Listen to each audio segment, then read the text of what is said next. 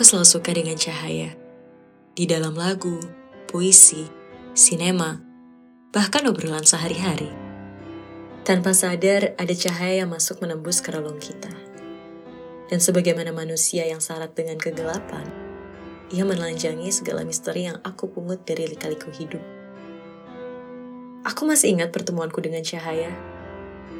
Musim silih berganti, aku melewatinya dengan kesumat dan geram. Bahwa penderitaan orang lain tidak akan pernah menjadi tanggung jawabku. Sekalipun aku bisa melakukan sesuatu. Tidak-tidak, aku enggan berbagi. Sebab kecewa selalu menjadi jawabannya.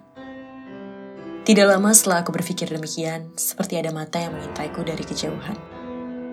Di kursi gerbong kereta, di kolong tempat tidur, di dasar gelas kopi yang aku tegak habis, ada sesuatu yang mengikutiku. Pada suatu malam, ia berhenti menguntit, menunjukkan rupanya yang berbicar. Tidak ada wajah, tubuh, perilaku, bahkan mata yang selama ini aku curigai. Aku memicingkan mata di hadapannya sedikit saja. Sebab, meskipun ia adalah cahaya, sinarnya tidak menghujam atau menghakimi.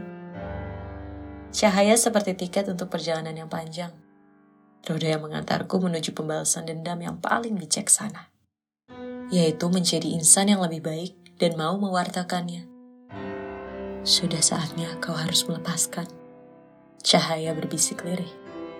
Penuh belayan yang hangat di dada Sementara di luar sana, hitam pekatlah menyeliputi sudut-sudut bumi dan bintang.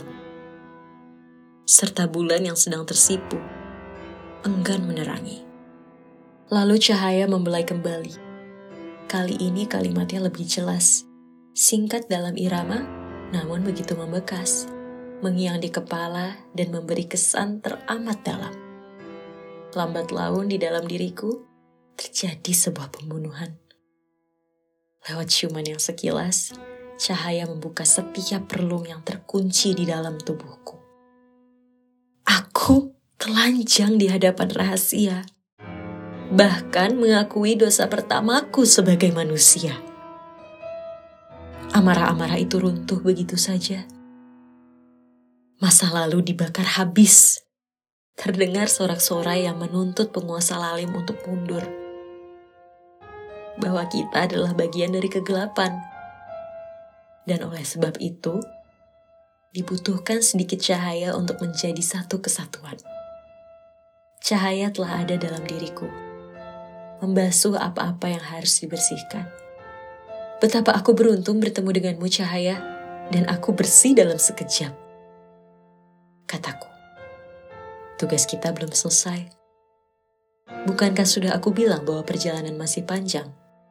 balasnya. Sejak saat itu, setiap ucapan, sentuhan, juga perbuatanku menciptakan cahaya. Ia menular, menjalar menjadi tangan yang melambai hangat di setiap perpisahan. Mengusap air mata di pipi orang-orang yang lelah, serta menyimpul senyum setelah hari yang menyesakan dada. Semoga satu cahaya dariku bisa terus berbuah kebaikan mulia yang terbagikan, menjelma cahaya-cahaya yang lain, sehingga terang dapat menenangkan dunia.